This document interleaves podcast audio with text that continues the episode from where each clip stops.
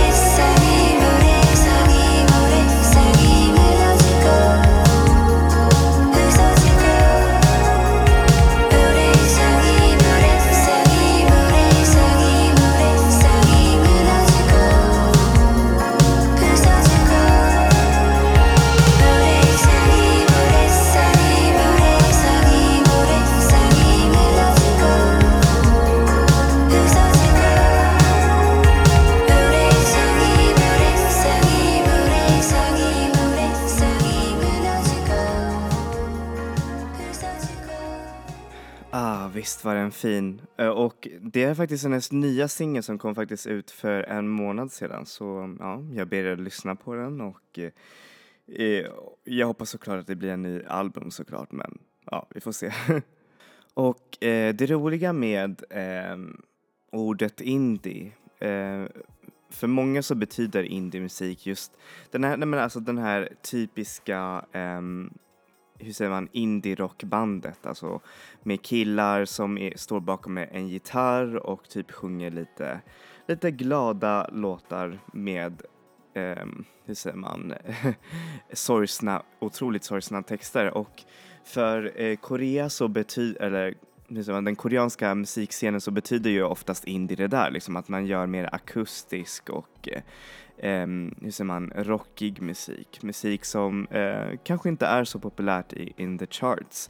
Men eh, nu har det ju också kommit en del som ni har sett också med Neon Bunny och den här nya artisten Aseul att det finns en hel scen för artister som jobbar elektroniskt med mycket elektronisk musik som inspiration och eh, som kanske innehåller eh, nej men härliga eh, akustiska element också.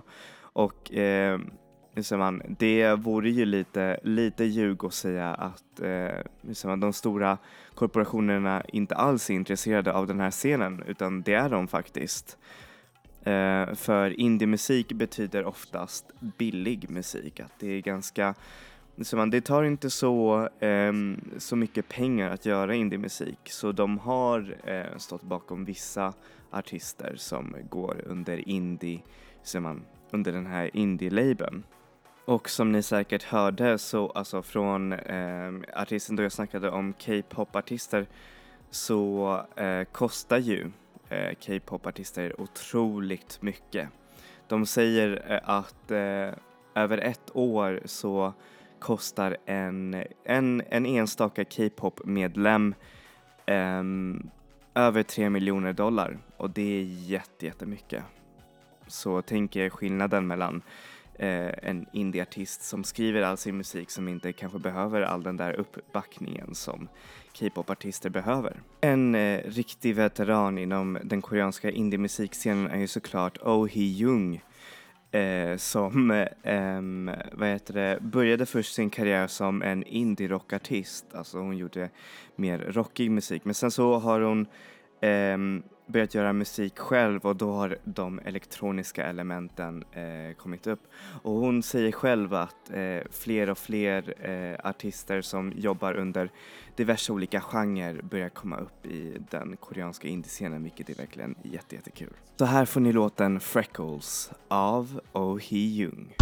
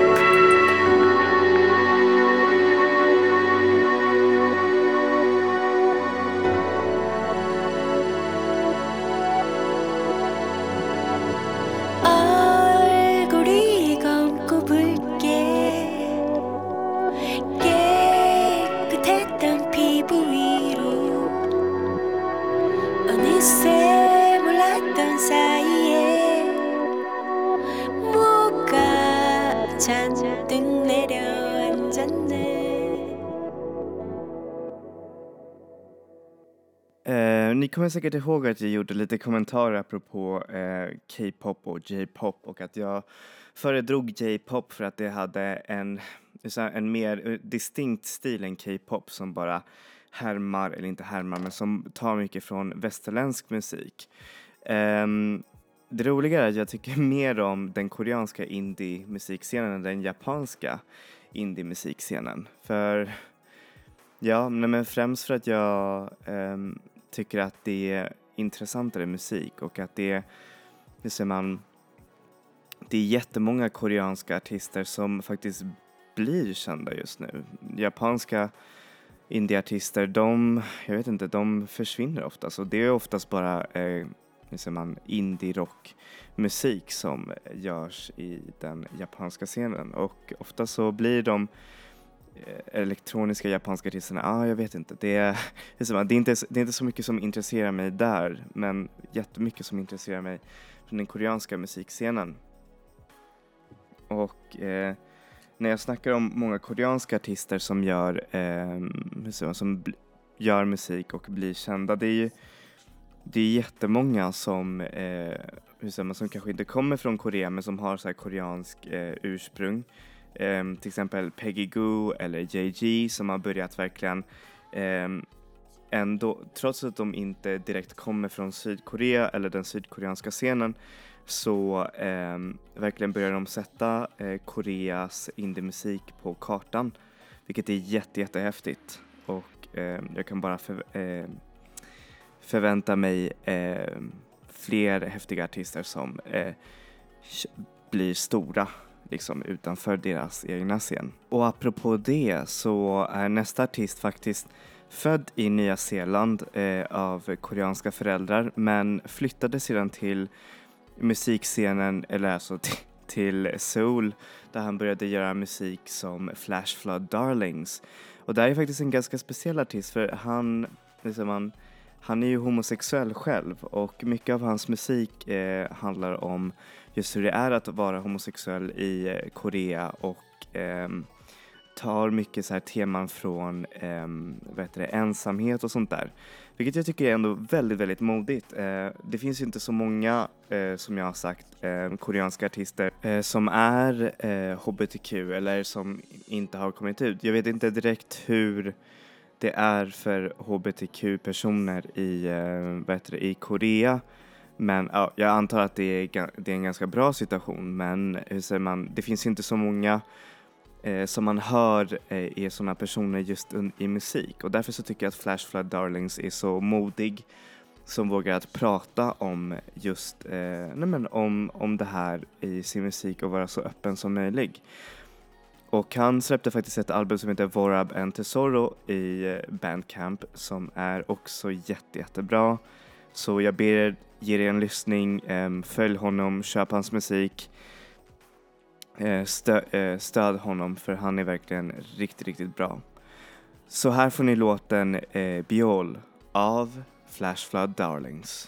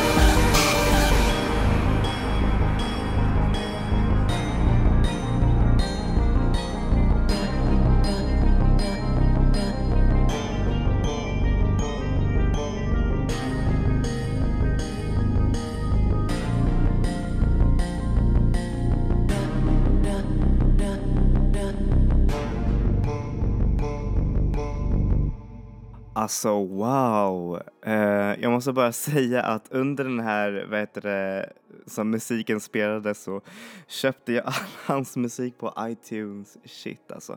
Nej men jag älskar musik som verkligen eh, berör mig och det gör hans musik. Verkligen. Så ja, yeah, Flash Flood Darlings.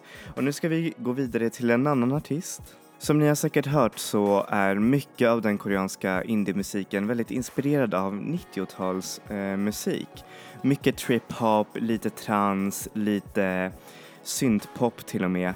Och det är det som jag tycker om så himla mycket. 90-talet håller ju verkligen på att bli en stor grej, inte bara i Korea utan även i eh, vad heter det, omvärlden. Fler folk börjar eh, man ta inspiration från, kanske inte från trip-hop just, men kanske för Ehm, från eurodans, trans och en massa olika eh, musikstilar som var så populära då.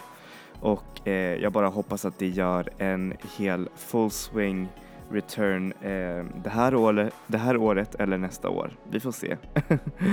Men hur som helst, en av de banden som eh, gör eh, sån här eh, trip-hop-influerad musik det är ju eh, Third Line Butterfly och det, ja jag tycker det är verkligen ett intressant namn.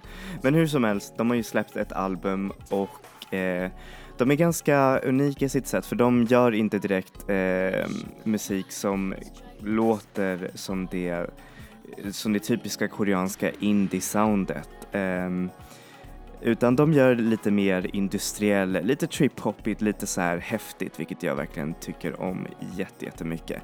Och eh, det är också ett band som jag tycker man borde titta på. Eller egentligen så tycker jag att alla de här banden som jag spelar just nu borde man ha koll på. Men anyways, eh, nu ska vi spela någonting från dem. Så här får ni låten X-Life av Third Line Butterfly.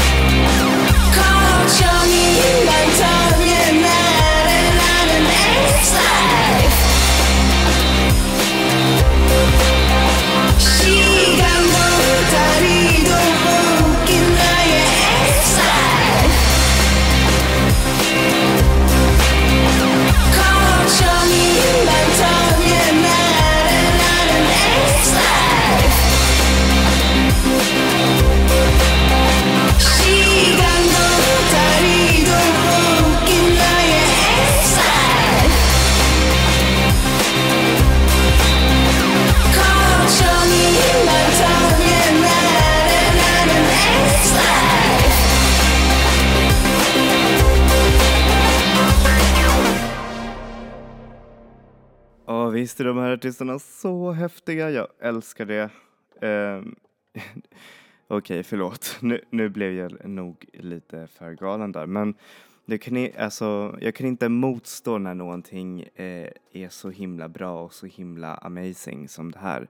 Så ja, yeah, därför så blir jag så himla glad. Men anyways, eh, så ska vi fortsätta till eh, det sista ehm, artister som vi kommer spela i den här eh, podcasten. Men innan det så tänkte jag också notera på att det är ganska kul hur västvärlden eh, tycker om att um, säger man generalisera en grupp eh, artister ba, eh, bara för att de kommer från, ett, eh, från samma land. Och det är, det är faktiskt ganska kul hur de kallar en massa av dessa artister för K-pop. Liksom. Och det har artister som Neon Bunny noterat ganska, ganska mycket och hon tycker självklart att det är kul att eh, hon placeras i samma fack men det är lite, jag vet inte. Eh, det är ändå inte alls samma, samma musik som ni kan verkligen höra. Så ja, yeah. kalla dem inte för K-pop utan kalla dem för indie. Jag menar det är ju det som de gör och bara för att det är från Korea så be behövs inte prefixet K vara framför um, ordet liksom. Hur som helst, många av de här artisterna som jag snackat om, de har eh, främst av allt släppt genom Bandcamp som är en stor um, alternativ uh, sida för, um, nej, där man kan släppa sin egen musik och sånt där. Den här artisten som jag spelar nu, hon har blivit mest känd genom Soundcloud, en uh, plattform som har Eh, mest, mest bland annat populariserats av rappare och eh, det är jättemånga som har blivit kända genom Soundcloud. Jag har använt, eller jag använder Soundcloud själv, eh, både när jag producerar musik och när jag nu släpper den här podcasten. Men hur som helst, den här artisten har eh, fått ganska också mycket, eh, hur säger man, attention utomlands med en del ehm, vad heter det, intervjuer via um, influentiella modemagasiner som uh, Dazed and Confused, uh, Fader tror jag också. Um, och uh, hon kallar sig, eller hon går under namnet Sifika. och då är, är, är, det inte, det finns en, hur säger man, deskription av dessa namn precis under låten här på Soundcloud. För er som lyssnar här och som vill skriva ner namnet. Men hur som helst, hon gör eh, ganska syntig men ändå drömsk musik som är väldigt, som man, är väldigt techno-influerat. Um, och hon har en speciell röst uh, tycker jag. Den är ganska, som man, jag vill inte säga att den är svår för jag tycker att den är jättefin men den har en speciell quirk och jag tycker om att man använder en quirk som man har i sin röst i musiken. Men hur som helst, hon släppte en ganska bra EP det här året som heter Prism EP. Hon har även ett debutalbum, Intelligentia. Um, men eh, jag tycker bättre om musiken i Prism EP, den är verkligen jätte, jättebra. Så hur som helst, här får ni låten Water av Sifika.